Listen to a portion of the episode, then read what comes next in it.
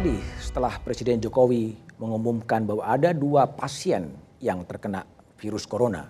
Terjadi panik buying, masker diborong, semuanya hilang. Itulah fenomena yang ada sekarang.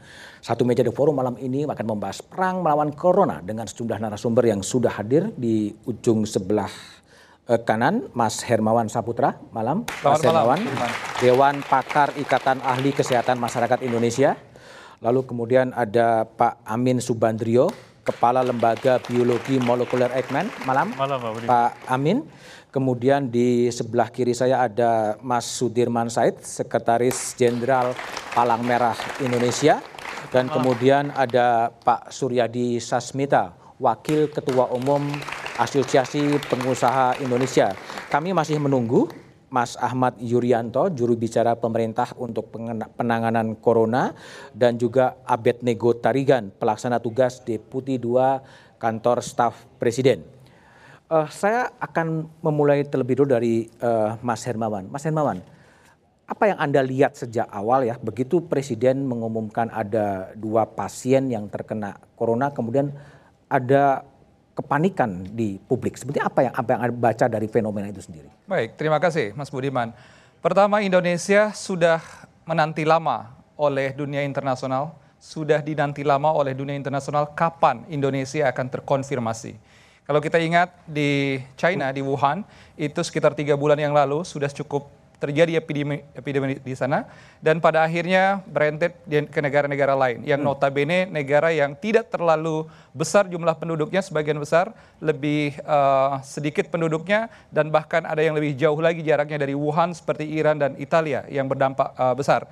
Nah, di Indonesia dengan potensi penduduk 260 juta, ribuan pulau dan ratusan pintu masuk begitu lebar eh, jalur internasional, maka menjadi tanda tanya di mana Indonesia juga memiliki kerjasama bisnis, perdagangan, industri ketenagakerjaan yang terbuka sekali dengan China. Ini menjadi Oke. tanda tanya besar. Kenapa? Kenapa dinantikan oleh dunia soal konfirmasi dari Indonesia? karena dianggap lebih strategis. Bahkan kami eh, sempat memiliki tesis kenapa WHO agak terlambat untuk menaikkan statusnya padahal di Italia saja sudah terjadi 1000 kasus sampai pada tanggal 29 eh, Februari kemarin. Nah, bahkan di Iran sendiri juga sudah membunuh lebih banyak eh, manusia vi- virus ini dari sekitar 550 orang udah meninggal dunia.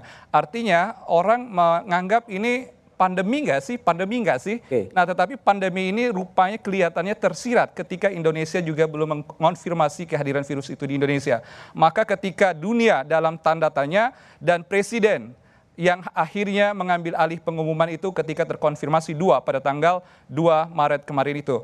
Nah, ketika presiden juga menyampaikan ini secara langsung, seolah-olah ada hal yang luar biasa di Indonesia. Oh. Kenapa presiden harus menyampaikan? Karena Dan- presiden sendiri yang menyampaikan. Kira-kira ini semacam psikologi global yang harus kita hadapi karena Indonesia tanda kutip sudah lama dinanti tadi. Sudah lama dinanti. Oke, baik. Saya ke Pak Pak Amin Subandrio. Pak Amin, seberapa sebetulnya apa kenapa kemudian ada kepanikan yang luar biasa, masker diborong, apa pun diborong setelah kemudian presiden apa memang eh, status masyarakatnya memang juga belum sepenuhnya well informed atau memang ke- kegagapan pemerintah juga seperti yang terjadi? Kalau kita lihat dari sudut masyarakat Indonesia, saya yakin mereka semua sudah membaca berita ini sejak Januari Oke. dan eh, mereka pasti was-was. Di Indonesia ada tidak? Seperti juga yang dipertanyakan oleh dunia internasional. Nah, eh, di pihak lain, eh, Kementerian Kesehatan sudah eh, memeriksa sekian ratus sampel dari yang eh, suspek ternyata masih negatif. Dan berita-berita di luar negeri juga demikian kerasnya me- seolah menuntut agar Indonesia itu harus ada Harus ada ya. harus ada karena menurut prediksi eh, ahli itu tidak mungkin Indonesia tidak ada. Oke. Ya, sebetulnya itu eh, tinggal tunggu waktu saja kan sebetulnya. Oke. Tetapi ketika eh, diumumkan ada positif, maka masyarakat seolah eh, seperti dihentakkan gitu. Oh. Nah kan ini ada dan kemudian karena baca berita dari luar negeri bagaimana ada beberapa negara yang juga sempat panik dan pemerintah belum sempat memberikan informasi yang jelas sebetulnya mengenai situasi sebenarnya sehingga uh, semua masyarakat menganggap nah ini situasinya tidak menentu saya mesti mengamankan diri nih. Oh, ketidakmenentuan situasi sebetulnya yang yang ikut membuat kepanikan bukan, ya? Bukan situasinya tapi informasinya. Informasinya, oke. Okay. Mereka mereka merasa wah besok bagaimana ya? Oke. Okay. Nah itu menyebabkan mereka kemudian rush ke supermarket dan sebagainya. Oke, okay, baik.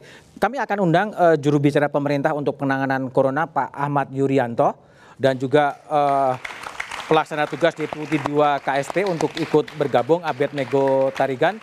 Selamat malam Pak Ahmad, silakan Bang Abednego uh, uh, silakan. Uh, menjadi orang yang paling sibuk ya, menjadi paling sibuk untuk menjelaskan uh, uh, virus corona. Ya oke okay lah, karena Pak Ahmad sekarang udah datang, Pak Yuri, saya ingin ingin ingin dengar update terakhir, update terakhir yang di apa di, di didapat oleh pemerintah perkembangan uh, dua kasus yang ditangani dan kemudian ada kasus lain seperti apa perkembangannya? Ya, uh, untuk dua kasus yang sudah kita nyatakan positif sesuai positif? dengan hasil okay. pemeriksaan laboratorium confirm positif. Tadi pagi saya cek ke rumah sakit, hmm? gambaran fisiknya sekarang ini tidak usah dibayangkan seperti apa yang terjadi di Wuhan. Oke. Okay. Tidak panas. Tidak panas. Tidak sesak. Tidak sesak. Kemudian tidak menggunakan uh, selang oksigen, tidak diinfus dan sebagainya. Oke. Okay. Masih batuk uh, sedikit-sedikit. Tetapi alhamdulillah ini sudah mulai membaik dari hari pertama kita rawat. Diharapkan bahwa nanti pada hari kelima kita akan bisa melakukan pemeriksaan lagi untuk mengkonfirmasi spesimennya. Apabila negatif kita akan ulang, urangi lagi pada dua hari setelah itu dan kemudian sudah dinyatakan sembuh. Pada hari keberapa akan dinyatakan sembuh Pak Yuri? Ya, dinyatakan kalau sudah dua kali negatif berarti sembuh. Dua kali negatif sembuh? Ya, sembuh. Dan peluang itu besar kelihatannya? Ya, Gambaran sekarang kalau kita lihat secara global, 50% lebih sudah sembuh. Global? Global. Bahkan eh, saudara-saudara kita yang APK Diamond Prince, hmm? Yang kemudian terakhir kita dapatkan ada sembilan yang positif, satu sudah boleh pulang, dan kemarin dijemput bersama-sama dengan kelompok yang besar. Kemudian hari ini saya sudah mendengar lagi satu sudah keluar dari rumah sakit, sementara masih di hotel untuk menunggu penerbangan besok. Ya. Dan kemudian ada dua yang jadwalnya dua hari lagi akan diperiksa untuk yang kedua kalinya. Kedua kalinya. Mudah-mudahan juga sudah bagus, sehingga sudah pulang. Ini yang sekarang kita hadapi, jadi gambarannya seperti influenza biasa. Influenza biasa. Jadi kalau update terakhir yang dalam posisi pasien yang diisolasi berapa orang, Pak Yuri? Sepanjang masih belum kita mendapatkan data dua kali negatif, masih kita harus isolasi kan. Oh, sepanjang belum ada data dua kali negatif. Ya, masih. Dan dua kali negatif itu dalam selang berapa hari setelah pertama? Lima hari, kemudian ya? dua hari setelah itu. Lima hari dan dua hari setelah itu. Ya. Dan setelah itu kemudian negatif lagi ya artinya sudah. akan dinyatakan ya. sebagai ya. uh, sembuh. Boleh pulang dan sudah bisa bergabung dengan keluarganya. Oke.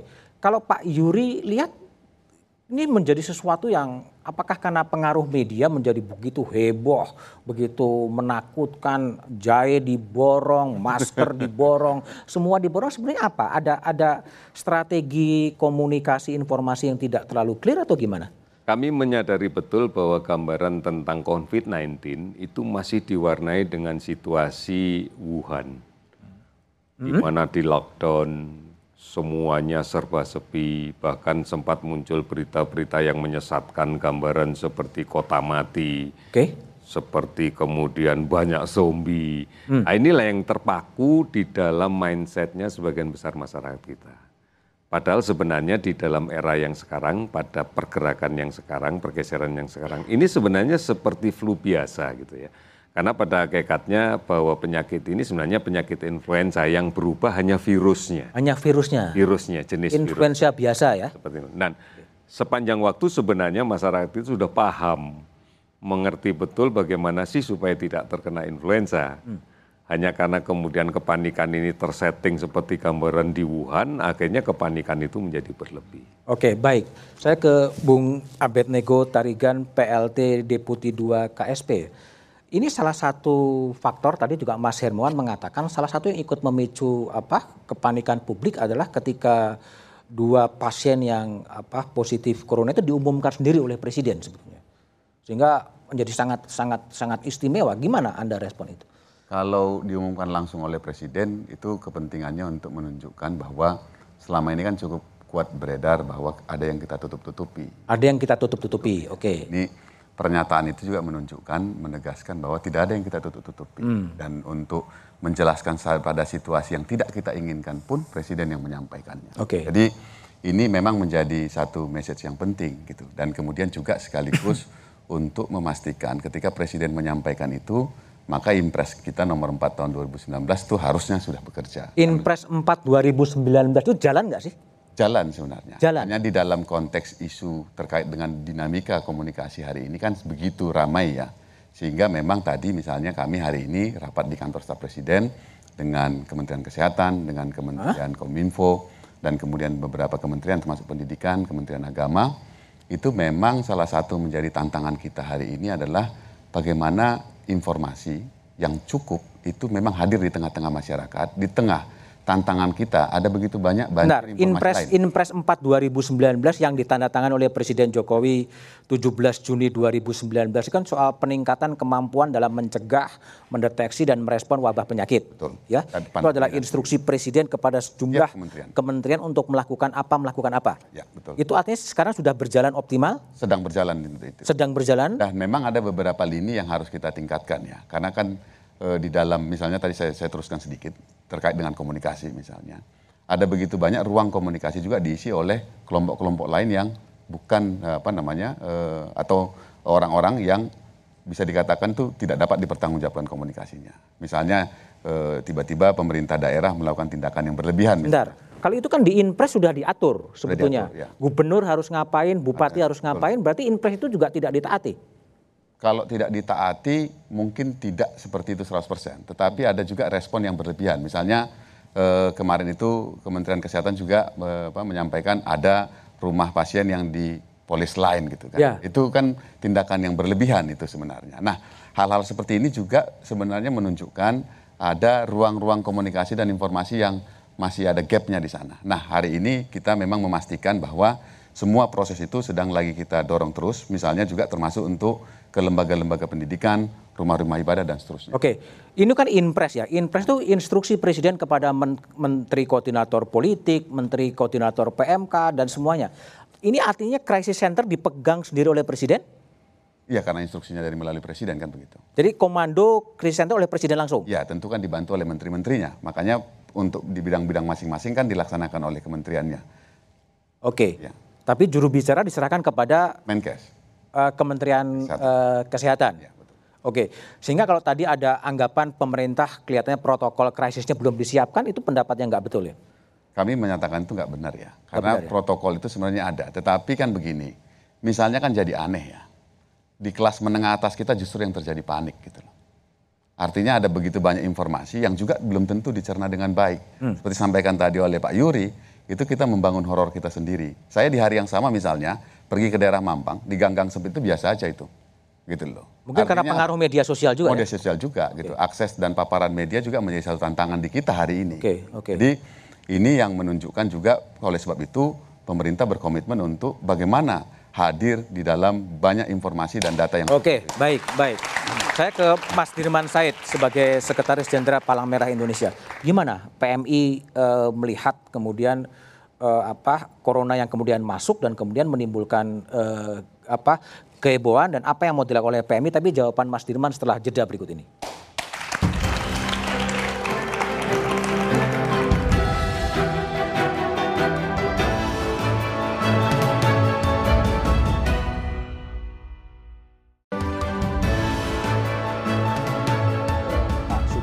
Jadi gimana? PMI menempatkan diri ketika ada wabah terdeteksi di Indonesia, apa yang dilakukan oleh PMI sekarang? Ya, terima kasih. Jadi Undang-Undang 1 tahun 2018, PP nomor 7 2019 itu mengatur palang merah ada di sampingnya pemerintah. Sampingnya pemerintah. Karena memang kegiatan palang merah dilaksanakan oleh dua. Nomor satu adalah pemerintah, nomor dua adalah gerakan palang merah. Okay. Karena itu pada setiap situasi kita terus mengikuti apa yang menjadi regulasi, kemudian juga menjadi semacam standby party yang mendampingi masyarakat. Okay. Apa yang dikerjakan? Kami kebetulan punya protokol dengan seluruh negara yang berisiko terjangkit. Oh, Jadi misalnya kita selama sebulan ini sudah dua kali satu conference call 52 sekjen Palang Merah seluruh dunia untuk memantau perkembangan kemudian kita mendapatkan update. apa update. Oke. Nah, yang dibahas itu dari mulai latest development yang ada di negara masing-masing, kemudian bagaimana responnya, sampai hal-hal yang teknis seperti supply chain logistik. Bagaimana kalau di negara tertentu kurang, bagaimana kita memenuhinya. Secara nasional kita punya protokol juga. Kita sudah punya, saya kira ngikuti apa yang dikerjakan oleh kementerian. Kalau hijau artinya itu aman, mer- kuning itu artinya waspada, siaga yang merah artinya sudah bahaya. Sekarang ini setelah diumumkan oleh presiden tentu kita dalam kondisi bersiaga penuh. Bersiaga penuh artinya apa? Artinya apa? Seluruh dalam hal ini Palang Merah, seluruh institusi Palang Merah, terutama di kota-kota yang berisiko itu disiapkan secara penuh. Eh, misalnya kepada tujuh kota kita berkali-kali melakukan satu diskusi bagaimana kalau terjadi satu outbreak. Oh, oke. Eh, ambulan disiapkan sebagai backup, kemudian beberapa teknisi atau kru disiapkan juga dengan pakaian pelindung, dengan dengan disinfektan dan sebagainya. Jadi ini hal-hal yang kita siapkan. Nah, secara keseluruhan kepada seluruh jaringan relawan kita menyebarkan apa yang disebut sebagai SEE, Apa tuh? surat edaran dan edukasi. Surat edaran dan edukasi. Jadi sebetulnya semacam public education, Oh. menyebarkan eh, cara hidup bersih, Oh, jadi fungsi edukasi yang diambil oleh PMI sekarang.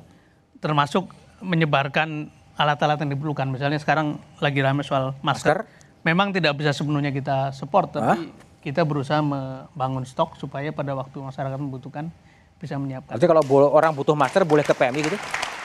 Eh, kita kita standby dengan itu, tapi mudah-mudahan tidak sampai Tidak sampai. tidak sampai terlalu apa masif gitu karena kita juga tahu kan sekarang ini masker terbatas bahkan kita Terbatas. menghubungi pabrikan-pabrikan pabriknya masih bisa jalan tapi bahan bakunya juga Bapaknya nggak ada. masuk. Oke. Jadi memang eh, tugas kami adalah bersama masyarakat supaya menjaga kepanikan tidak berlangsung lama dan besok kami berkumpul lagi dengan tujuh kota PMI tujuh kota yang memang- yang berisiko untuk, Risiko? eh, tadi kotanya terbuka lalu lintas manusia begitu terbuka Oke. eh, untuk melakukan persiapan lebih jauh.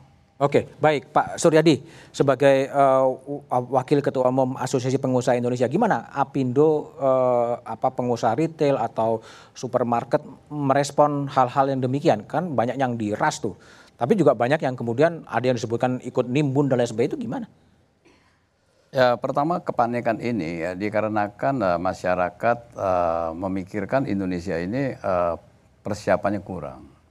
Ya, misalkan eh, sudah lama ada terjadinya eh, eh, virus ini, ya, di airport masih tidak dicek. Ya. Nah, Terus ada berita-berita internasional Indonesia itu eh, kok kayaknya musinya sudah ada, tapi kok nggak kayaknya nggak nggak nggak diumumin gitu. Jadi ke- kepanikan-kepanikan itu ya eh, karena kurangnya komunikasi. Oke, kalau pemerintah- Apindo sekarang posisinya? Kalau Apindo posisinya ya kita sekarang eh, menjaga agar pemerintah apa masyarakat untuk tidak panik.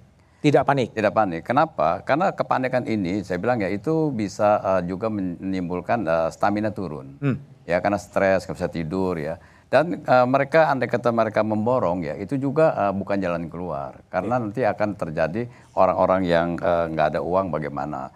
Terus ya, saya udah ber- berbicara kepada eh, para peritel ya untuk memba- membuat satu spanduk. Panduk, Ya, spanduk untuk jangan memborong, belilah secukupnya. belilah secukupnya. Nah, Tapi itu- stok ada kan? Nah, stok ada. Nah, start- uh, kita juga lagi minta kepada semua pabrikan untuk uh, mensuplai lebih. Mensuplai lebih. Ya, agar supaya masyarakat tahu bahwa stok itu cukup. Oke. Nah, tapi pemerintah juga kita harapkan dan pemerintah inilah yang mesti bisa menjamin mengenai sembako itu, yang beras dan lain sebagainya. Oke. Nah, karena pemerintah, uh, di, saya kita mengharapkan pemerintah itu harus setiap hari ada satu pengumuman. Yang menjadi masalah besar yang membuat panik adalah banyaknya hoax. Banyaknya Banyaknya hoax. hoax. ya. Oke. Nah itu bagi pemerintah tuh mesti uh, tugasnya tuh hoax itu kalau bisa dilawan dengan berita-berita yang penting. Oke, Ah, oke, baik, baik, Pak Yuri. Ini kan uh, pada satu sisi kepanikan ini kemudian diciptakan karena strategi komunikasi pemerintah yang ya apa uh, selama ini dinilai kadang-kadang tidak merespon secara serius, kemudian apa kanal-kanal informasi diisi oleh hoax sementara pemerintah terlambat. At, gimana Pak Yuri melihat itu? Kita melihat permasalahan ini dengan harus hati-hati ya, harus cermat betul. Contohnya pada waktu kita akan menjemput anak buah kapal yang warga negara Indonesia. Oke. Kenapa tidak secepat itu kita langsung ambil kita pindahkan? Kita berpikir bahwa kita harus memberikan kesempatan, kita harus memberikan ruang, kita harus memberikan eh, kondisi yang terbaik, bukan hanya untuk anak buah kapal itu. Tetapi ingat, di belakang mereka ada 267 juta penduduk Indonesia yang lain. Ini yang kemudian menjadi dasar kenapa kita harus berhati-hati kehati-hatian ini tentunya bagaimana proses pemerintah berpikir sampai hal yang teknis, inilah yang memberikan ruang kosong di mana kemudian media akan menerjemahkan dengan berbagai macam Tafsir. persepsi. Oke. Dan kemudian inilah yang kemudian terlambat kita antisipasi sehingga kemudian berita-berita tentang eh, hoax dan sebagainya ini semakin menjadi liar. Oke, sekarang Ini gini Pak, kalau kalau gini, kalau bagi publik yang merasa dia demam, yang merasa dia baru pulang dari negara yang terjangkit, kemudian ingin memeriksakan apakah saya bebas corona atau tidak, itu gimana? Ada mekanisme yang menjadi platform kita di dalam bekerja. Yang pertama adalah bahwa semua orang yang masuk ke Indonesia, siapa pun dia, warga negara atau warga negara Indonesia atau warga negara asing, dan berasal dari negara yang sudah kita yakini transfer penyakit dari orang ke orang itu kuat, maka kita masukkan mereka itu dalam kriteria orang yang dipantau. Dipantau. Ya, artinya belum tentu dia sakit, Oke. tetapi kita harus mulai mewaspadai bahwa dia memiliki peluang untuk bisa menjadi sakit gitu. Oke. Jadi kita pantau. Mekanisme pemantauan ini sebenarnya bukan sesuatu yang baru karena sejak 2011 pada saat kita harus berhadapan dengan MERS coronavirus ini corona juga tetapi dari Timur Tengah dari Middle East yang kemudian sangat besar akan terbawa oleh warga negara kita yang melaksanakan ibadah haji dan umroh eh, di Timur Tengah. Ini kemudian menjadikan kita membangun sebuah sistem bagaimana memantau. Artinya publik tidak perlu aktif ya, memeriksakan diri, datang ke rumah sakit, boleh nggak saya minta sertifikat bebas corona gitu? Yang dipantau ini artinya kemudian kita berikan health alert card atau kartu kewaspadaan kesehatan. Kita beritahu mereka bahwa dalam 14 hari setelah Anda di Indonesia, manakala kemudian eh, mengeluh penyakit yang mengarah kepada influenza sedang atau influenza berat, Anda segera mengakses layanan kesehatan mana pun dan membawa kartu ini. Inilah Baik, sebagai early warning mana? system kita. High alert itu dapat dari mana? Kita bagikan pada saat mereka masuk ke Bandung. Oke. Jadi ada pengalaman gini Pak Juri, ada ada ada teman yang baru pulang dari Taiwan, ya dia merasa eh, tidak nyaman dengan kondisi tubuhnya, dia datang ke poliklinik gitu, terus kemudian bukan di sini tempatnya gitu kan, harus pindah ke tempat lain gitu, ke tempat lain mengeluhkan hal yang sama, dia udah bayar, yang dicek darah gitu, Apakah Darahnya- darahnya diambil? Ya, apakah dia juga membawa health alert card-nya? pasti tidak. Tapi kan ini publik yang ingin memastikan bahwa kondisinya adalah tidak terkena virus corona, itu gimana? Orang dalam pemantauan pasti akan dapat health alert card. Dalam pemantau orang tahu bahwa dipantau itu gimana caranya? Jadi setiap orang yang masuk ke negara kita dari negara lain negara yang transfernya ada, begitu masuk kita kasih kartunya. Di bandara, Iya, di bandara. di bandara dibagikan. Jadi setiap orang yang masuk pulang katakanlah dari Italia, dari Iran gitu, Termasuk yang umroh ini juga dibagikan. dibagikan. Dibagikan. Itu kalau kemudian ada apa termometer mengatakan suhunya 38 diberikan card gitu, Semuanya diberikan. semuanya diberikan. Semua diberikan. Oke. Ini kan kartu kewaspadaan. Kartu kewaspadaan. Kan belum tentu sakit hari itu. Oke, oke. Jadi kata kuncinya adalah kalau ya orang mau memeriksakan diri itu kalau punya kartu kewaspadaan itu ya. Kalau dia membawa kartu kewaspadaan, maka siapa pun yang melayani, dia akan tahu bahwa orang ini memiliki ancaman. Oh.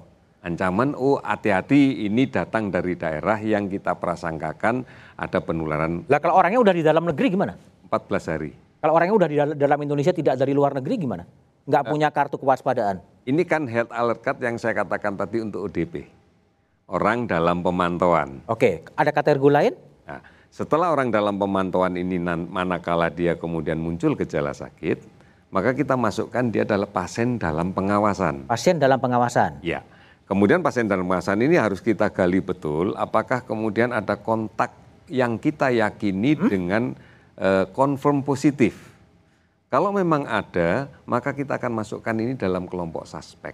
Oke. Kemudian harus dikonfirmasi dengan laboratorium. Kalau memang positif, confirm positif dia. Nah, di dalam konteks kewaspadaan yang kemudian setelah dinyatakan sebagai emergency yang harus membutuhkan concern dari internasional PAIJ, maka yang akan kita periksa, kita turunkan tidak hanya pada saat dia menjadi suspek. Semua orang dalam pemantauan yang kemudian sakit, artinya pasien dalam pengawasan, kita periksa spesimennya. Oke. Kalau berkasus pada kasus apa dua kasus pertama dan kasus kedua, itu sebenarnya nggak ada kartu kewaspadaan ya? Dia tidak ada karena tidak menjalankan eh, tidak Tidak dalam pemantauan. Tetapi pada saat kemudian dirawat, dia mengatakan bahwa dia kontak dengan orang Oke. yang Oke. berasal dari luar dan orang itu sekarang sedang sakit. Oke. Inilah yang kemudian menjadikan eh, kita periksa dan positif, maka kita clustering. Dengan siapa saja dia kontak selama ada di Indonesia. Dan itu dilacak. Dan itu dilacak. Oke. Sehingga gini Pak, kalau memang orang itu tidak pegang kartu kewaspadaan, sebenarnya dia tidak punya apa tidak tidak tidak perlu juga dia mencekkan diri untuk mendapatkan apalah sertifikat Iya. bebas corona gitu. Manakala kemudian dia tidak ada perjalanan keluar dan tidak ada riwayat kontak, mestinya tidak perlu berpikir seperti Tapi bagaimana orang tahu Pak? Dia tidak pernah kontak dengan orang-orang kan dia nggak tahu juga ini terpapar atau enggak. Ya, setidaknya kita tidak akan menempatkan itu sebagai yang pertama. Influenza penyebabnya bukan hanya COVID-19. Bukan COVID-19 ya. Bukan hanya COVID-19. Ada bisa disebabkan oleh bakteri, bisa disebabkan oleh virus-virus yang lain. Oke. Penyebab influenza sangat banyak. Sangat banyak. Tetapi bagaimanapun juga protokol penanganan penderita dengan infeksi saluran pernafasan itu sama. Oke. Sama. Ya, Tidak berbeda apa pun yang menjadi penyebabnya. Oke, Pak Hermawan ada respon soal bagaimana publik yang memang ingin memastikan bahwa dia bebas dan lain sebagainya, tapi eh, ada prasyarat tadi seperti kartu pemantauan, kartu kewaspadaan. Oke, saya start dari pernyataan awal dari Pak Yuri tadi. Sebenarnya ini seperti influenza saja. Oke, Hanya karena perbedaannya pada virusnya saja ya. COVID-19 ini adalah SARS-CoV-2 ya. Ya. Nah artinya apa? Severity case dalam, pro- eh, dalam kasus ini sebenarnya kecil, rendah. Dan sebenarnya bisa dicegah atau bahkan tidak terjadi apa-apa, asimptomatik tadi yang disampaikan. Artinya tidak perlu kepanikan yang berlebihan, gitu ya Pak ya? oke, Yang jauh lebih berat adalah kepanikan publik dari aspek psikologi publik. Nah, jadi hemat saya yang kita hadapi kini dan ke depan ini bukan lagi persoalan pada provider base, tetapi pada community base. community. Bagaimana kita meyakinkan masyarakat kita, semua instrumen pemerintahan, baik pemerintah sendiri, sektor kesehatan sebagai leading sektor, atau bahkan terkait dengan perdagangan, pariwisata, bahkan di dalam negeri, mulai dari bupatinya, camat, sampai struktur lurah di bawahnya itu, betul-betul menyadari kalau ini tugas bersama, harus ada kolaborasi, Oke. ada alert system, dan ini harus sifatnya community based. Alert system seperti apa? Kita membayangkan begini. Seperti yang disampaikan juga tadi ya, bahwa kalau masyarakat itu kalau influenza itu sudah tahu, Sudah tahu. harus flu. ngapain. Iya. Bahkan RT RW itu sudah tahu harus ngapain gitu. Seharusnya kan begitu. Saya tertarik dengan uh, statement yang tadi di- mungkin dinyatakan oleh uh, saya lupa salah satu pembicara tadi bahwa ada problem komunikasi di sini. Oke, iya. Nah kemarin sih bahkan kita menemukan beberapa kasus di lapangan ada seorang eh, pimpinan daerah, ada birokrasi yang tidak sejalan dengan kebijakan yang terpusat pada eh, mungkin juru bicaranya beliau ini Pak Yuri. Nah artinya apa?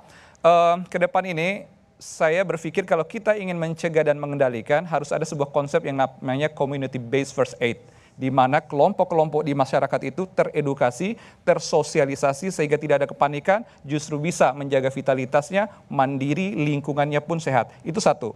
Yang kedua dari aspek provider, kita membayangkan sekarang yang panik ini bukan masyarakat. Ada sesuatu yang tidak ter- terucap dan tergali dalam tubuh, dalam diri seorang tenaga kesehatan di mana pun dia berada. Khawatir juga. Khawatir.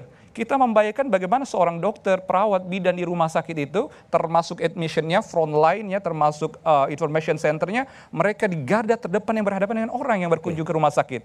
Bahkan orang berkeluh hanya sekedar batuk pilek saja, bawa anaknya, Pak, corona nggak Pak, corona nggak Pak. Kan ini kan berlebihan. Iya, iya. Artinya jangan di... uh, Maksud saya jangan ini diredakan di rumah sakit, tapi redahkanlah dia di komunitasnya, di tetangganya. Siapa yang ngambil peran? rumahnya. Ya. Yang ambil peran? Ini multi stakeholder. Di bidang kesehatan sendiri kita tidak kurang punya tenaga kesehatan yang, sebagai tenaga surveillance. Kita punya epidemiologi komunitas, kita punya uh, bidan di komunitas, kita punya penyuluh, promotor kesehatan. Ini diapakan ini tenaga ini semua? Jangan sampai nganggur padahal ini adalah kerjaan besar secara bersama. Oke, baik baik. Saya ke Pak Amin. Pak Amin kan sekarang sampai sekarang kan dua yang kemudian eh, terpapar. Nah, bagaimana kemudian mencegah agar kemudian apa penyebaran ini tidak tidak tidak makin luas agar semua ya dua cukuplah kemudian akan segera situasinya normal. Tapi jawaban Pak Amin setelah jeda berikut ini.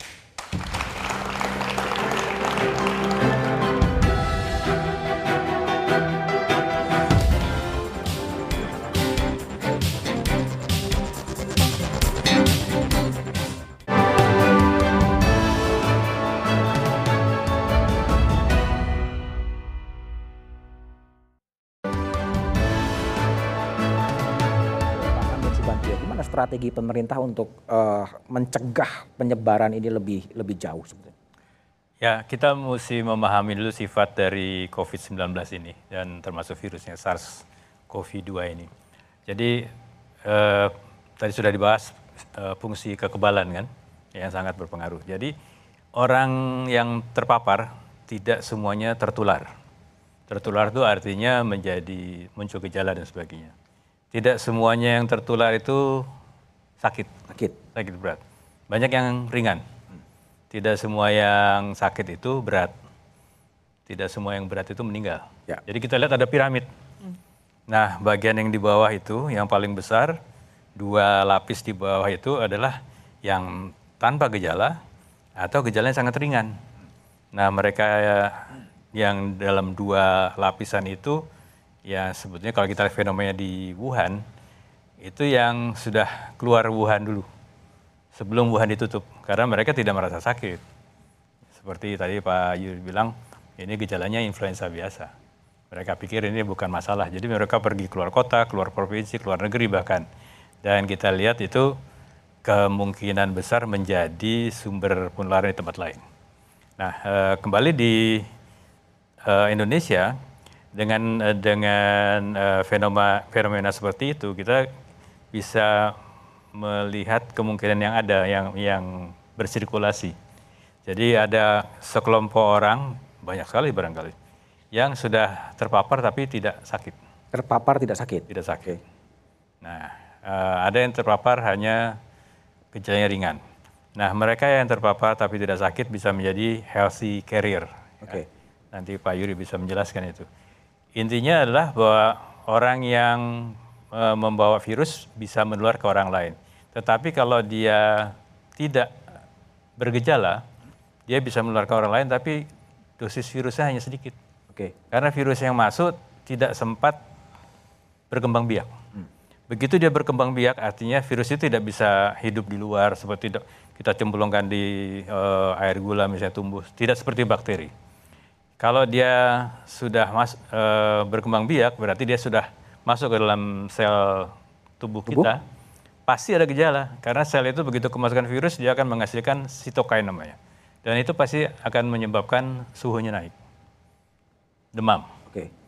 atau batuk karena itu saluran nafas otomatis kita kita kemasukan debu sedikit aja langsung batuk-batuk kan Oke. nah jadi kalau ada virus masuk ke dalam sel dan berkembang biak pasti ada dua gejala minimum ya batuk dan demam Oke. nah jadi eh, kalau yang tanpa gejala berarti virusnya itu belum berkembang biak kalau toh dia menyebar jumlahnya sedikit tapi kalau sudah muncul gejala virusnya sudah berkembang biak dan itu dosisnya makin makin tinggi. Oke, Pak Amin, gini, mungkin gini, Pak Amin mungkin juga bisa memberikan penjelasan kepada publik. Ini kan spekulasi kembali yang liar di masyarakat bahwa eh, COVID-19 ini belum ada vaksinnya, belum ada obatnya. Apa betul demikian? Nah itu, jadi kembali ke level dua dua lapis itu yang kita kita anggap memiliki kekebalan, Kekebalan tubuh lah jadi kekebalan kunci. tubuh.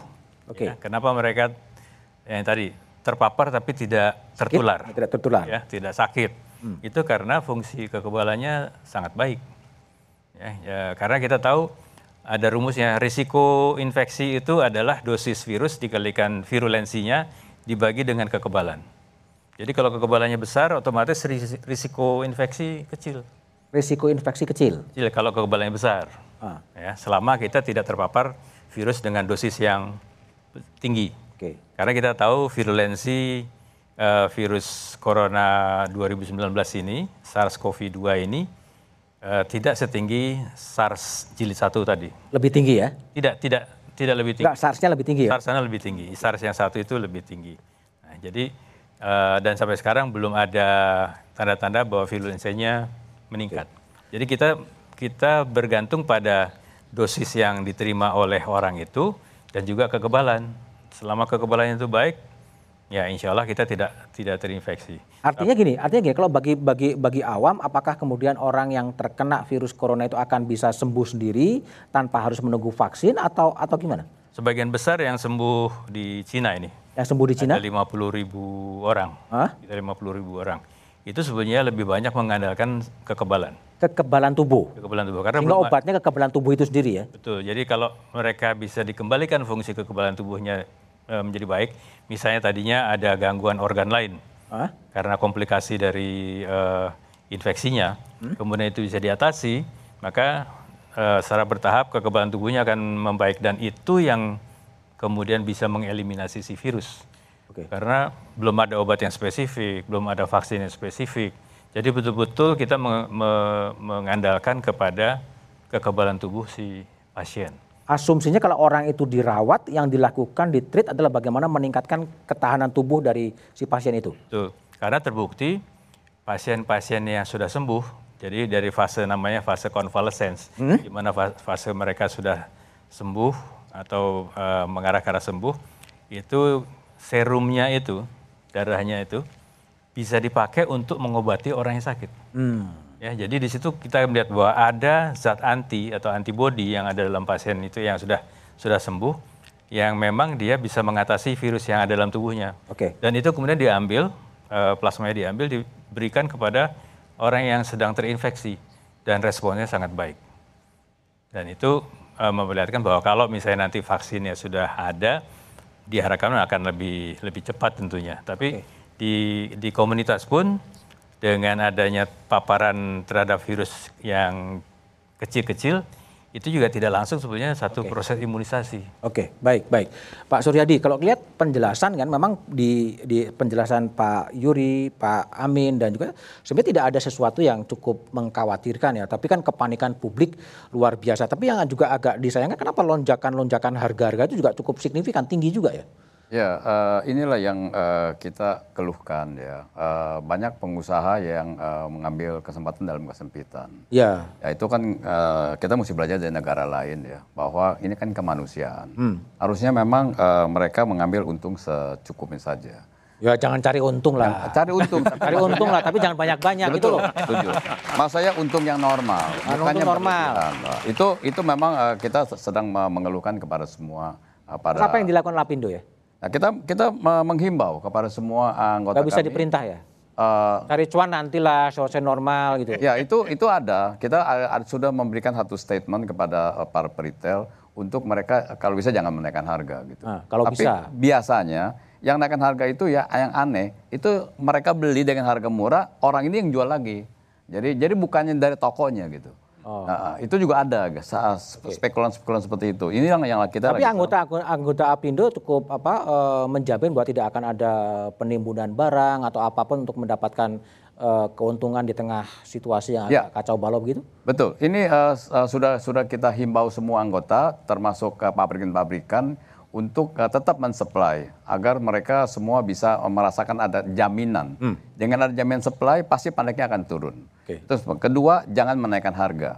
Ini sudah kita ada himbau semua anggota, termasuk para peritel, pak masuk masukan. Tetapi yang yang sangat eh, perlu diperhatikan, informasi seperti tadi dikatakan, sembuhnya nih eh, eh, COVID-19 ini adalah bukan dari belum ada obatnya. Ini kadang-kadang yang membuat panik. Ya belum ada obatnya kan sembuh sendiri juga. Nah justru orang bilang masa sembuh sendiri. Nah ini panik. Oleh sebab itu penjelasan ini tuh perlu sekali untuk di masyarakat. Oke. Yang disebut eh, bahwa sembuh sendiri itu adalah meningkatkan stamina Menangis dan ketahanan sebagainya. tubuh. Oke. Ya Mereka tanya, wah kalau begitu di di negara eh, China itu yang bisa sembuh banyak, pasti mereka ada obatnya. Cuman mereka belum kasih tahu. Jadi semua simpang siur ini ya yang membuat kebanyakan. Oleh sebab itu kami mohon, ini pemerintah yang mesti menjelaskan. Oke, baik. Pemerintah menjelaskan, Pak Yuri, tolong diyakinkan ke publik lagi lah bahwa ini sebenarnya eh, vaksinnya memang belum ada, tetapi itu akan sembuh sendiri seandainya ketahanan tubuh eh, pasien itu makin lama makin bagus. Begitu? Iya. Jadi kita berkali-kali sudah mengatakan bahwa basis dari penyakit ini adalah sebenarnya eh, lifestyle. Lifestyle. Ini kan penyakit menular. Artinya eh, di dalam konteks seperti ini ya kalau ingin eh, tidak sakit ya harus ada perubahan. Kita lihat sekarang bahwa penyakit ini lebih banyak masuknya kan lewat droplet, lewat percikan. Kami memperhatikan beberapa hal yang eh, biasa dilakukan oleh masyarakat kita dan tidak mengarah ke sana. Yang pertama adalah bahwa yang pakai masker ini orang yang sehat.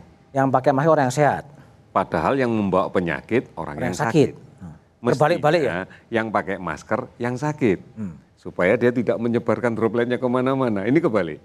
Akibatnya adalah droplet itu nyebar ke mana-mana.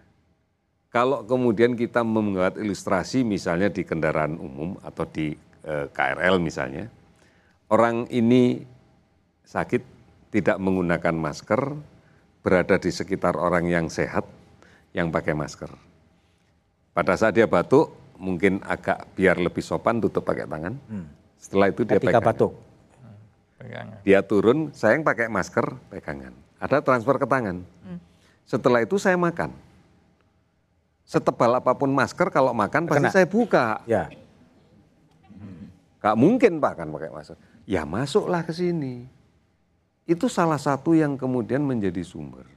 Kemudian belum lagi kalau kita memperhatikan betul, kebiasaan kita di masyarakat kita dalam satu menit rata-rata mereka tiga empat kali menyentuh mata, hidung, mulut. Dengan menggunakan tangan yang belum dicuci. Artinya kan ini juga memindahkan sebenarnya. Jadi saran-saran saran sederhananya bagi publik yang katakanlah masih awam untuk mencegah tidak tertular apa, Pak Yuri? Dalam kerangka yang besar dan ini sudah menjadi eh, bagian dari yang dicanangkan oleh pemerintah, Germas. Gerakan Masyarakat Hidup Sehat. Di dalam skop yang kecil PHBS, hidup bersih, sehat, Bersih sehat, cuci tangan. cuci tangan. Jadi kampanye cuci tangan sebelum melakukan apa pun juga gitu ya? Iya, Oke. ini menjadi sesuatu yang memiliki makna yang jauh lebih besar untuk mencegahnya. Oke, baik. Saya kembali ke Abednego. Tadi eh, yang Pak apa Pak Har- ya, Suryadi katakan soal penimbunan. Nah, sekarang juga ada langkah-langkah penegakan hukum ya. Orang yang menimbun masker ditangkap, gitu kan. Orang yang kemudian mahasiswa yang mengirim masker untuk titipannya ke luar negeri ditangkap, dijadikan tersangka. Itu langkah-langkah yang memang polisi pemerintah atau improvisasi juga? Memang untuk dalam konteks pendekatan hukum itu satu opsi yang salah satu yang dipilih. Nah, di dalam konteks ini memang nanti perlu dilihat soal bagaimana pelaksanaannya di dalamnya. Karena juga undang-undang kita juga kan melarang penimbunan. Undang-undang kita juga kan menjamin tentang hal itu. Penimbunan tuh definisinya apa sih? Ya misalnya kan kalau kita lihat di dalam eh, banyak kasus kan justru dibuat barang itu langka. Oke. Kemudian didistribusikan secara terbatas sehingga meningkatkan demand dan kemudian ada peningkatan harga di dalamnya. Nah terkait dengan hal ini tadi juga eh, satu itu satu opsi yang memang eh, apa yang dibahas tadi di dalam rapat kami terkait Dibahas hasilnya?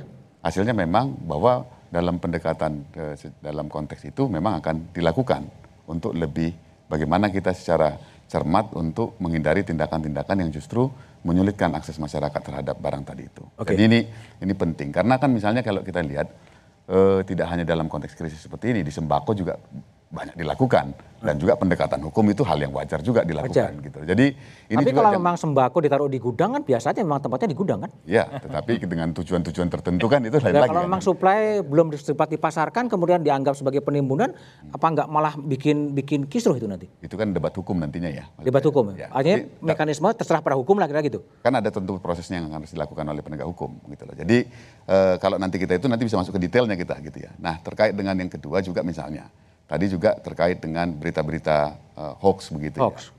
Tadi juga dari Kementerian eh, Komunikasi dan Informasi juga untuk mendalami lebih jauh terkait dengan berita-berita hoax ini. Karena kan begini, Oke. eh, kami waktu eh, apa KSP menjadi host dari Pusat Informasi Terpadu COVID-19 itu bekerja sama dengan kementerian-kementerian kesehatan, Menko PMK dan seterusnya itu memang e, melakukan salah satu bersama Kominfo pemantauan terhadap hoax. Kalau kita lihat dari kasus-kasus awal itu, itu jumlah hoax itu meningkat. Tuh. Saya ingat tuh di hari-hari pertama itu 74 menjadi 94 dan dan seterusnya. Jadi memang pendekatan untuk e, menghadapi itu juga memang harus dilakukan juga di dari pendekatan hukum selain memang upaya-upaya seperti yang disampaikan Apindo tadi untuk memberikan informasi yang cukup ke masyarakat itu harus dilakukan. Oke, jadi, jadi pendekatan pemerintah adalah siapa pun yang terbukti kemudian terindikasi menimbun ditegakkan hukum.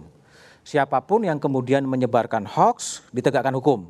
Jadi pendekatan hukum akan itu menjadi polisi pemerintah ya, ya bukan bukan apa bukan uh, improvisasi orang di lapangan. Pak Suryadi, gimana respon bahwa uh, siapa pun yang akan menimbun yang akan berhadapan? Wah ini uh, terus terang aja ya akan menjadi rancu nanti, hmm. karena uh, definisi uh, menimbun itu sangat sulit. Misalnya yang tadi dikatakan ya, kalau kata dia memang seorang uh, grosir, ya uh, dia punya gudang. Kalau selama gudang itu hanya gudang dia penuh, itu itu apa nggak bisa dibilang itu adalah penimbunan. Memang gudangnya segitu. Hmm. Kalau dia menambah gudang-gudang yang lain, itulah yang disebut penimbunan. Oke, okay. oke. Okay. Yang pertama, yang kedua, nanti bisa dipakai oleh oleh pada uh, artinya uh, penegak hukum, ya. Misalnya menim, uh, membeli uh, masker hanya lima box ya, wah ini menimbun. Gitu.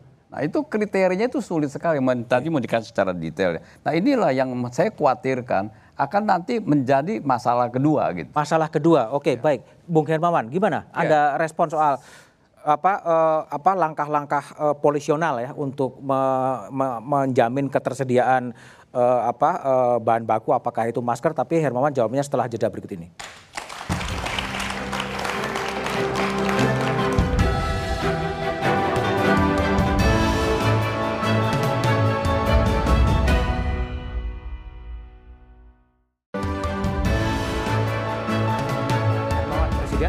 Menegaskan bahwa tidak perlu panik, ketersediaan dijamin, ya pada sisi lain ada langkah-langkah polisional, barang siapa yang kemudian terbukti menimbun ya akan ditindak. Itu sebuah langkah yang memang bisa meredakan ketegangan atau seperti apa Anda lihat? Baik Mas Budiman, kelihatannya diskusi kita ini semua menjadi paradoks. Apa sebab? Kita punya judul Perang Melawan Corona. Okay. Kok sepertinya ini perang melawan uh, orang-orang yang mencari keuntungan, orang-orang yang uh, menaikkan harga, hoax, yang menaikkan harga segala macam. Artinya apa? Ada model komunikasi pemerintah. Mungkin ini kan koordinatornya mungkin ada di kantor staf presidenan ya. Dalam hal ini hemat kami, ini statement-statement yang disampaikan oleh para pejabat utamanya yang uh, berkaitan dengan ranah hukum tadi ya, seolah-olah hukum ini menjadi terdepan urusan hukum ini. Penegakan dalam arti tidak boleh ada yang uh, memain memancing di air yang keruh seperti ini. Nah ini kan sebenarnya memang pendekatan statement hukum. Tetapi kita lupa bahwa yang kita mau perang, kita harapin ini adalah corona. Okay. Jadi kami berpikir jangan sampai image komunikasi publik kita itu bergeser dari substansi kepada hal-hal yang populis. Okay. Nah ini kenapa sebabnya masyarakat kita memang harus kita ajak agar tidak panik, agar berdaya, agar kompak untuk tetap menjaga lingkungannya, hmm. perilaku hidup bersih dan sehatnya. Tetapi di sisi lain kita tidak mengarahkan ke sana kami belum lihat adanya semacam sistem edukasi komunikasi berjenjang atau bahkan konsolidasi yang bersifat internal atau vertical integration di antara instrumen pemerintahan dalam hal ini juga. Harusnya komunikasi-komunikasi di depan publik itu sesederhana itu. Misalnya, Presiden mengatakan tidak boleh khawatir, wahai rakyat Indonesia, semua bupati, semua gubernur, bahkan sampai ke aparatur kecamatan dan desa, sudah komitmen untuk kita adakan komunikasi, koordinasi, menjaga stabilitas lingkungan, bahkan semua bahan pokok termasuk alat pelindung diri ini ada di tengah kita. Hmm. Dan ini adalah komitmen global kita secara nasional, dan ini yang harusnya dikomunikasikan di depan, okay. bukan ancaman hukumnya. Nah artinya, uh, boleh jadi ini bukan sesuatu yang salah, mungkin ini juga bagian dari cara pemerintah ingin menentang, menenangkan masyarakatnya bahwa pen, pemerintah bersikap bila ada orang yang memanfaatkan situasi atau memancing di air keruh pemerintah akan bersikap. Tetapi jangan lupa kita berperang melawan corona. Jadi salfok ya. Salah Iya, fokus ya?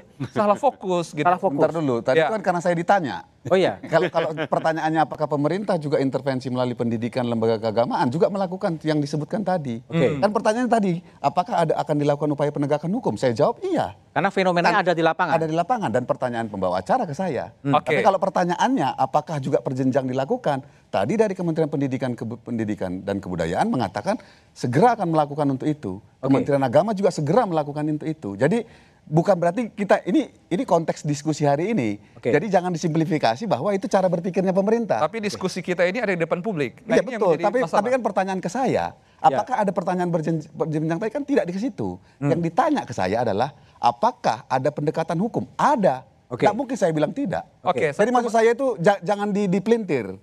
Ini concern saya. Oke. Jangan jangan dipelintir seolah-olah itu yang terdepan. Oke. Ini kaitannya pertanyaan ke saya. Oke, mungkin Itu- tidak- Itu, yang harus diperbaiki dari Saya, situ. saya- saya setuju, tidak ada masalah.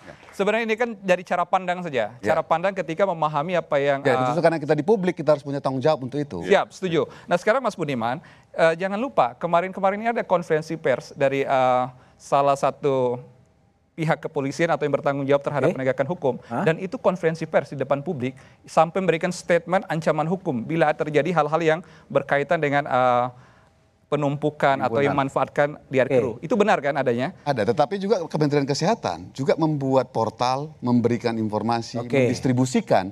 Itu kan juga ada.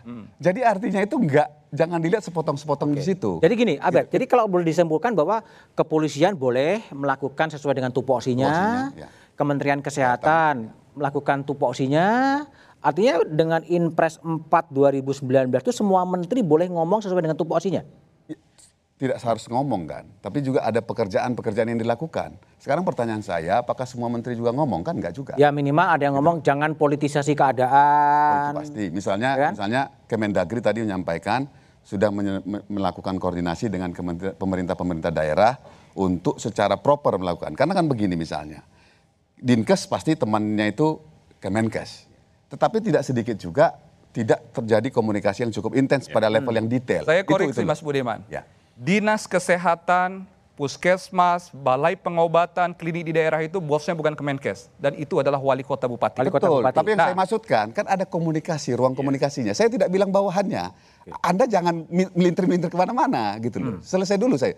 Saya sampaikan tadi bahwa dinas-dinas kesehatan itu punya ruang komunikasi sama Kementerian Kesehatan. Oke. Dan itu ruang itu selalu ada terbuka dan tidak ada pemerintah pusat itu menutup-nutupi atau tidak memberikan ruang untuk itu. Oke. Ini penting dilihat. Ini yang saya katakan bukan soal bawahan. Makanya kan saya sampaikan tadi, Kementerian Dalam Negeri sudah mengeluarkan surat edaran untuk memberi, itu menunjukkan itu bukan bawahan kita seperti vertikal, Oke. tetapi memang ruang koordinasi untuk kita. Jadi ruang tadi itu memang semuanya di- dibuka untuk untuk bagaimana setiap kementerian itu bisa menjalankan fungsinya. Tetapi tidak jarang juga kita itu memilih isu informasi yang kita suka aja gitu loh. Tapi tidak bisa melihat secara utuh proses yang ada.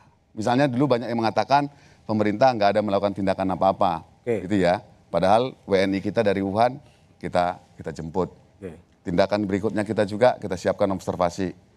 Penerbangan juga kita tutup gitu ya dari Cina dan seterusnya dan seterusnya. Tetapi kan kita melihat itu apakah secara utuh atau tidak. Tapi itulah itu sudah lewat. Bahwa lewat, oke. situasi kita hari ini ada dua orang yang positif yang dalam eh, di di, di Oke, karantina sekarang gini, kalau kemudian- persisnya apa? Apa yang kemudian dilakukan akan dilakukan oleh pemerintah untuk mencegah penyebaran virus corona itu? Apa yang disampaikan tadi itu memang akan dilakukan. Apa yang mau dilakukan? Termasuk juga misalnya germas tadi sampaikan. Germas, Itu jelas ya. Terus kemudian juga bagaimana border-border kita. Oke. Jaringan jaringan fasilitas kesehatan kita, Oke. jaringan lab kita. Itu dengan, dengan bagaimana ruang-ruang komunikasi khususnya kementerian yang berkaitan dengan warga masyarakat yang cukup banyak. Misalnya Kementerian Agama, Kementerian Pendidikan. Itu Ngapain? Itu ngapain? Itu mereka akan meng- mengeluarkan sistem berjenjang komunikasi dan membuka ruang-ruang informasi yang memang dibutuhkan. Misalnya contoh, Oke. Sekolah-sekolah banyak tiba-tiba mengumumkan bahwa dia tutup. Ah. Itu harus jelas kan, mereka harus menelpon ke siapa. Oke. Nah ini yang memang sedang dalam terus didorong untuk bagaimana sistem tadi itu itu bisa bekerja. Dan Berapa besar anggaran yang dikeluarkan untuk penanganan virus corona? Saya saya belum cek soal soal soal Belum cek. Itu termasuk anggaran 72 miliar untuk influencer itu. 72 persen untuk 72 influencer. miliar. 72 itu kan berkaitan dengan yang sektor ekonomi ya, terkait dengan pariwisata. Oke. Hanya buat kita kan influencer itu jadi negatif ya. gitu loh. Eh, Nggak tahu yang Anda Tapi bilang. sebenarnya itu ya promosi untuk bagaimana juga sektor ekonomi kita Oke. supaya itu tidak ambruk kan begitu loh. Oke, Sehingga baik. tetap dibutuhkan biaya Mas komunikasi. Budiman, Baik. tadi kelihatan ada yang belum tuntas yang saya sampaikan Apa? tadi. Ya, Yang ingin saya sampaikan bahwa saya tidak mengatakan pemerintah tidak melakukan sesuatu Apa-apa, yang ya. benar. Sudah banyak melakukan. Bisa jadi ini benar yang disampaikan oleh pemerintah, sikapnya boleh jadi sudah optimal dilakukan usaha usahanya, tetapi ada psikologi komunikasi yang ingin saya sampaikan tadi Hmm. di depan publik. Problemnya itu pada psikologi publik saja. Psikologi komunikasi. Jangan sampai cara kita berkomunikasi justru membuat kepanikan baru yang tidak pada substansi karena kita sedang mau berperang melawan corona. Hanya itu sebenarnya poin Ya saya. sekarang kan sedang ditata kan? Sedang ditata. Sedang ditata oleh pemerintah Betul. dengan ditunjuknya Pak Yuri sebagai juru bicara pemerintah untuk penanganan corona. Dan mudah-mudahan kompak, artinya satu model komunikasi yang memang terpadu, satu dapur keluarnya itu kompak, artinya tidak ada lagi pendekatan yang parsial di internal uh, struktur Kementerian Kesehatan atau di internal tenaga kesehatan pun bisa jadi sikapnya masih masing berbeda. Yang kita tidak ingin adanya perbedaan sikap di tengah masyarakat kita, mulai dari garda terdepan sampai pengambil kebijakan tertinggi. Emang ada yang berbeda? Saya rasa ada dan Pak Yori. Pak Yuri, sudah gimana? Ada kesulitan mengkomunikasikan atau gimana sih? Jadi, Eh, kita mencoba membuat ini menjadi sederhana ya supaya Oke. kita nggak rumit ini. Ada dua klaster yang sekarang harus kita eh, kedepankan. Satu klaster ini adalah bagaimana pendekatan pada aspek kesehatan. itu domainnya Pak Yuri ya, Ya, kesehatan. artinya ini akan berbicara mulai dari promotif, preventif, kuratif, Oke. rehabilitatif dan sebagainya dalam satu sistem. Kemudian satu sisi lagi adalah faktor-faktor yang kemudian berpengaruh terhadap itu. Di sinilah kemudian bertempat eh, begitu banyak kementerian lembaga. Artinya bahwa memang main body-nya di dalam kaitan dengan corona ini adalah fungsi kesehatan. Fungsi kesehatan. Fungsi kesehatan main body. Oke. Yang lainnya menjadi supporting. Oke. Oleh karena itu, bagaimana bisa main body ini akan berjalan dengan baik kalau supporting ini kemudian menjadi sesuatu yang harus dikedepankan, dikonflikkan, diributkan gitu ya. Akhirnya kita akan membuat masyarakat itu semakin takut. Kita tahu sekarang arus berita lebih banyak berbicara tentang ada apa, mengapa, bagaimana, tanggapannya apa, dibanding dengan apa yang harus dibuat oleh masyarakat. Iya, oke. Apa yang tidak boleh dilakukan masyarakat supaya dia tetap terlindung. Oke, Inilah baik. main body kita. Oke, baik Pak Sudirman Said. Ketika ada apa eh, kekosongan atau apa pun sebenarnya posisi Palang Merah Indonesia ini akan ngambil peran di mana? Saya kan bagian dari seiring sejalan dengan pemerintah. Ya, eh, kami menyebutnya komunikasi risiko. Komunikasi risiko. Jadi sebenarnya su- sudah dijelaskan sebagian oleh bicara yang lain. Dari mulai mengenali gejalanya, kalau ketemu gejala harus bagaimana, budaya hidup sehat tadi ya, hidup bersih, cuci tangan yang baik, eh, etika batuk, Batuk. sampai pada urusan-urusan yang sifatnya bagaimana mengajak masyarakat sekitar itu eh, alert atau waspada, misalnya health talk atau diskusi kesehatan di berbagai komunitas. Jadi itulah bagian dari apa fungsi dari kami. Tapi ingin saya sampaikan berita baiknya begini, eh, bahwa medsos kami itu diakses oleh 21 juta lebih. Medsos. Ya. Oke. Artinya apa? Sebetulnya tingkat awareness warga itu cukup baik. Eh, kemudian juga eh, di di lapangan itu tidak seheboh sebagian dari yang pengetahuannya banyak gitu. Iya. Jadi memang eh, saya kira ada benarnya eh, dan Pak Yusuf Kala berkali-kali mengatakan kita waspada tinggi tapi tidak boleh panik. panik, oke. Itu terus-menerus diungkapkan karena memang harus begitu. Eh, nah karena itu memang bagian kami di Palang Merah adalah bagaimana menemani warga untuk mewaspadai, kemudian menjaga supaya penularan ini tidak terjadi. Dalam prakteknya dilakukan seperti apa? Tadi melalui proses pendidikan penerangan kepada masyarakat lewat jaringan-jaringan pengurus di daerah maupun dengan relawan. Karena kita kan punya kira-kira hampir 2 juta relawan di seluruh Indonesia. Oke, baik. Ada satu pertanyaan publik, apakah kemudian virus, virus corona ini akan reda dan redanya kapan? Apakah butuh waktu sebulan atau dua bulan? Tapi jawabannya setelah jeda berikut ini.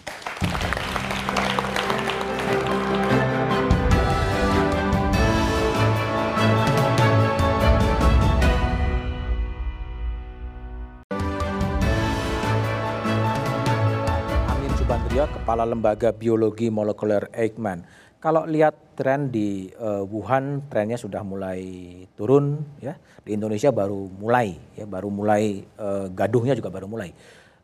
Kalau berdasarkan sejarah ya, perkembangan virus-virus lain, ini bisa diprediksi nggak? Ini kapan akan mulai meredak dan pemerintah harus ngapain dan masyarakat harus ngapain? Ya, eh, kalau ditanya kapan ini akan mereda, eh, memang belum ada kepastian. Tapi ada yang pasti, eh, epidemi itu akan turun dan akan hilang ketika eh, serangan virus sudah kalah oleh kekebalan. Oke. Artinya kembali lagi ini karena eh, ini sifatnya kan baik individu maupun eh, masyarakat. Ketika virusnya menang terus, dia bisa menyerang seseorang, orang yang menjadi sakit, orang itu kemudian menjadi sumber penularan yang lainnya. Kita tahu eh, satu orang yang membawa virus bisa menularkan 2 sampai 4 orang, orang lain. Jadi kita bisa bilang satu siklus, satu orang menularkan 4. Siklus berikutnya 4 menularkan ke 4 lagi masing-masing 16 plus 4 hanya jadi 20. 20 itu kemudian jadi 80, begitu seterusnya. Jadi kita lihat itu seperti eh, kurvanya seperti kurva eh, eksponensial. Nah, ketika si virus itu sudah bisa dikalahkan oleh kekebalan, artinya orang yang ditularkan tidak sakit Tidak sakit? dan orang yang tidak sakit itu tidak bisa lagi menularkan ke orang lain. Jadi penularan stop sampai di situ. Nah, ketika semakin banyak orang yang tidak bisa ditulari, nah di situlah mulai turun. Oke. Kita lihat fenomena di Cina sekarang sudah mulai menurun karena secara general sudah mulai terbentuk apa yang disebut sebagai herd immunity atau kekebalan kelompok. Oke. Ya, sehingga eh, kasus-kasus baru semakin turun. Semakin turun dan Jumlahnya. mungkin hilang ya. Oke, eh, menghilang. baik Pak Amin. Mas Dirman Said, jadi apa Eh, dalam situasi yang agak gaduh, agak panik, agak ketakutan, ini momentum untuk kembali meng- apa, membangkitkan sosial solidarity di antara masyarakat? Ya ada kutipan bagus dari Sekjen WHO. Oke, ya. WHO. Aset terbesar kita adalah solidaritas. gitu. Jadi ini adalah waktu yang baik untuk membangun solidaritas kita dan kalau disebut perang melawan corona mungkin ini perang kita semua. Perangnya pemerintah, perangnya masyarakat, perangnya kami di Palang Merah, perangnya para ahli. Dan kalau bisa ya bukan kalau bisa sih seharusnya seluruh masyarakat melihat ini masalah kita bukan masalahnya pemerintah. Bukan masalah Ini masalah masyarakat semuanya. Yang dagang juga tidak boleh menimbun tadi ya. Kemudian kita kita juga mesti jujur menya- menyampaikan apa adanya supaya masyarakat tidak panik. Jadinya eh, saya kira ini waktu yang baik untuk tadi sekali lagi membangun eh, solidaritas. Perlu perlu ada apa angkornya, jangkarnya ya.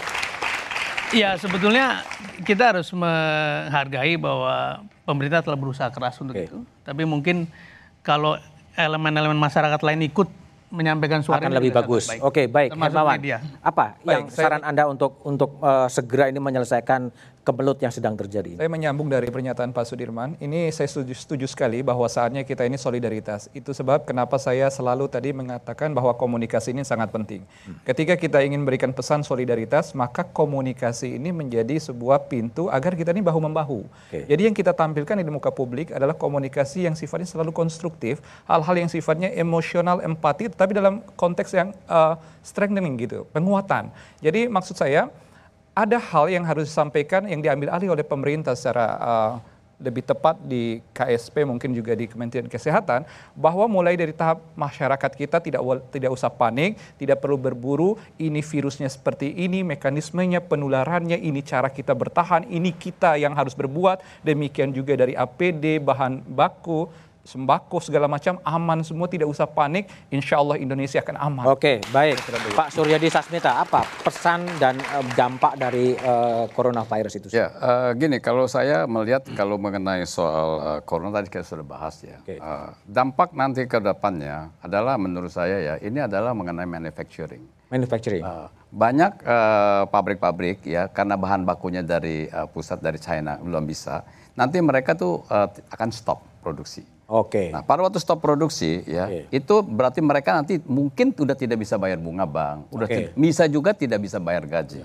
Nah, ini akan menjadi masalah Virus sosial. kedua ya? Iya, ini kedua. Virus Nah, ikutan. virus kedua. Nah, ini nanti eh, pemerintah su- sudah mesti mengambil langkah dari sekarang. Oke. Karena eh, ini bukannya dalam jangka 1 2 bulan. Saya per- kita perkirakan ini bisa sampai eh, 3 sampai 4 bulan ke depan. Ini banyak pabrik yang akan Dampak dari virus corona ya? ke depan tuh banyak yang pabrik yang tutup, tidak bisa import, tidak bisa ekspor, ya akhirnya banyak yang dirumahkan ka- eh, karyawan, ya akhirnya mereka juga nggak dapat gaji full buying power uh, turun. Nah ini dampak-dampak ini tolong Datang lagi virus corona ketika ketahanan nah, tubuhnya. Nah ini yang, yang sekarang pemerintah tolong juga ada preventifnya loh. Oke, baik, baik. Pak Yuri, ada nggak sih semacam apa ya eh, kalkulasi atau prediksi dari pemerintah ini permainan ini akan berapa lama sebetulnya? Kunci kekuatannya adalah di masyarakat ini. Kuncinya di masyarakat. Di masyarakat. Lalu pemerintah? Dan kita tahu bahwa masyarakat kita itu sebenarnya sudah bisa, sudah mengerti, sudah paham. Tetapi kegambangan akibat komunikasi yang tidak baik, termasuk akibat berita yang tidak baik dan sebagainya, inilah yang membuat mereka menjadi panik. Oleh karena itu pemerintah dalam hal ini harus menjadi dirijen yang baik dari sebuah orkestra masyarakat yang demikian besar. Pemerintah menjadi dirijen yang baik. Dirijen yang baik untuk Bagus. masyarakat ini. Oke. Masalah ini tidak bisa diselesaikan oleh pemerintah sendiri Oke. karena basisnya adalah pada masyarakat. Dan kami bekerja keras, kami bekerja sungguh-sungguh untuk ini. Akan reda kapan Pak Yuri punya prediksi? Kami tidak akan memprediksikan kapan, tetapi bagaimana kemudian secepatnya masyarakat bisa bangkit. Secepat masyarakat bangkit dari kepanikan, secepat pula kita akan bisa mengendalikan ini semua. Oke, baik. Bung Abednego tadi ada beberapa problem dampak dari apa eh, corona, kemudian eh, harus ada dirijen yang mengelola itu. Gimana pemerintah melihat apakah memang dirijennya itu ada atau enggak kelihatan atau terlalu banyak dirijennya malah? Sebenarnya kan terus dikonsolidasikan. Kan saya sampaikan tadi, pusat informasi terpadu itu juga kita lakukan. Kemudian juga Pak Yuri juru bicara yang me- memberikan informasi dan tadi di hadapan Apindo secara reguler kita akan menyampaikan informasi itu juga akan dilakukan Pak.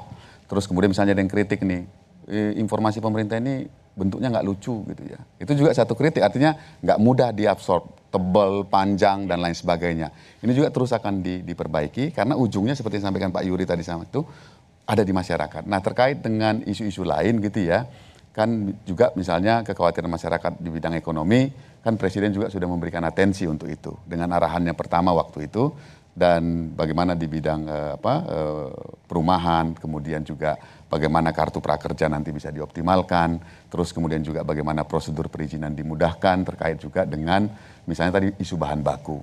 Memang yang terkait dengan isu bahan baku yang diupdate ke kami itu memang situasinya adalah negara sumber-sumber bahan baku itu nggak mau ngelepas Oke. gitu loh. Jadi bukan kitanya yang memperumit gitu loh. Jadi ini juga jadi satu PR yang memang harus kita selesaikan. Kalau spesifik soal corona, apakah tidak ada semacam crisis center di tingkat pusat yang dibentuk atau model Komisi Nasional Penanggulangan dulu waktu apa eh, wabah sebelumnya atau tetap dalam kondisi yang seperti sekarang?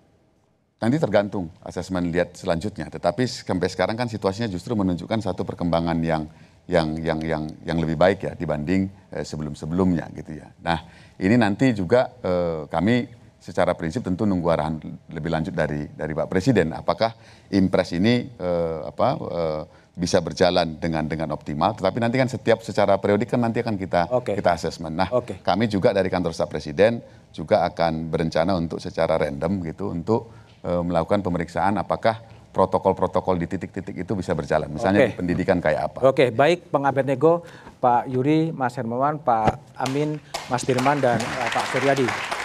Kesehatan masyarakat adalah isu utama dan prioritas yang harus ditangani pemerintah. Perlu ada satu komando yang kuat untuk mengatasi ego sektoral dan sikap individual dalam upaya mencegah perluasan wabah virus corona. Saatnya putra-putra bangsa terbaik berkolaborasi menggunakan akal sehatnya mengatasi wabah corona. Demikian satu meja The Forum malam ini. Sampai jumpa pekan depan. Selamat malam dan terima kasih.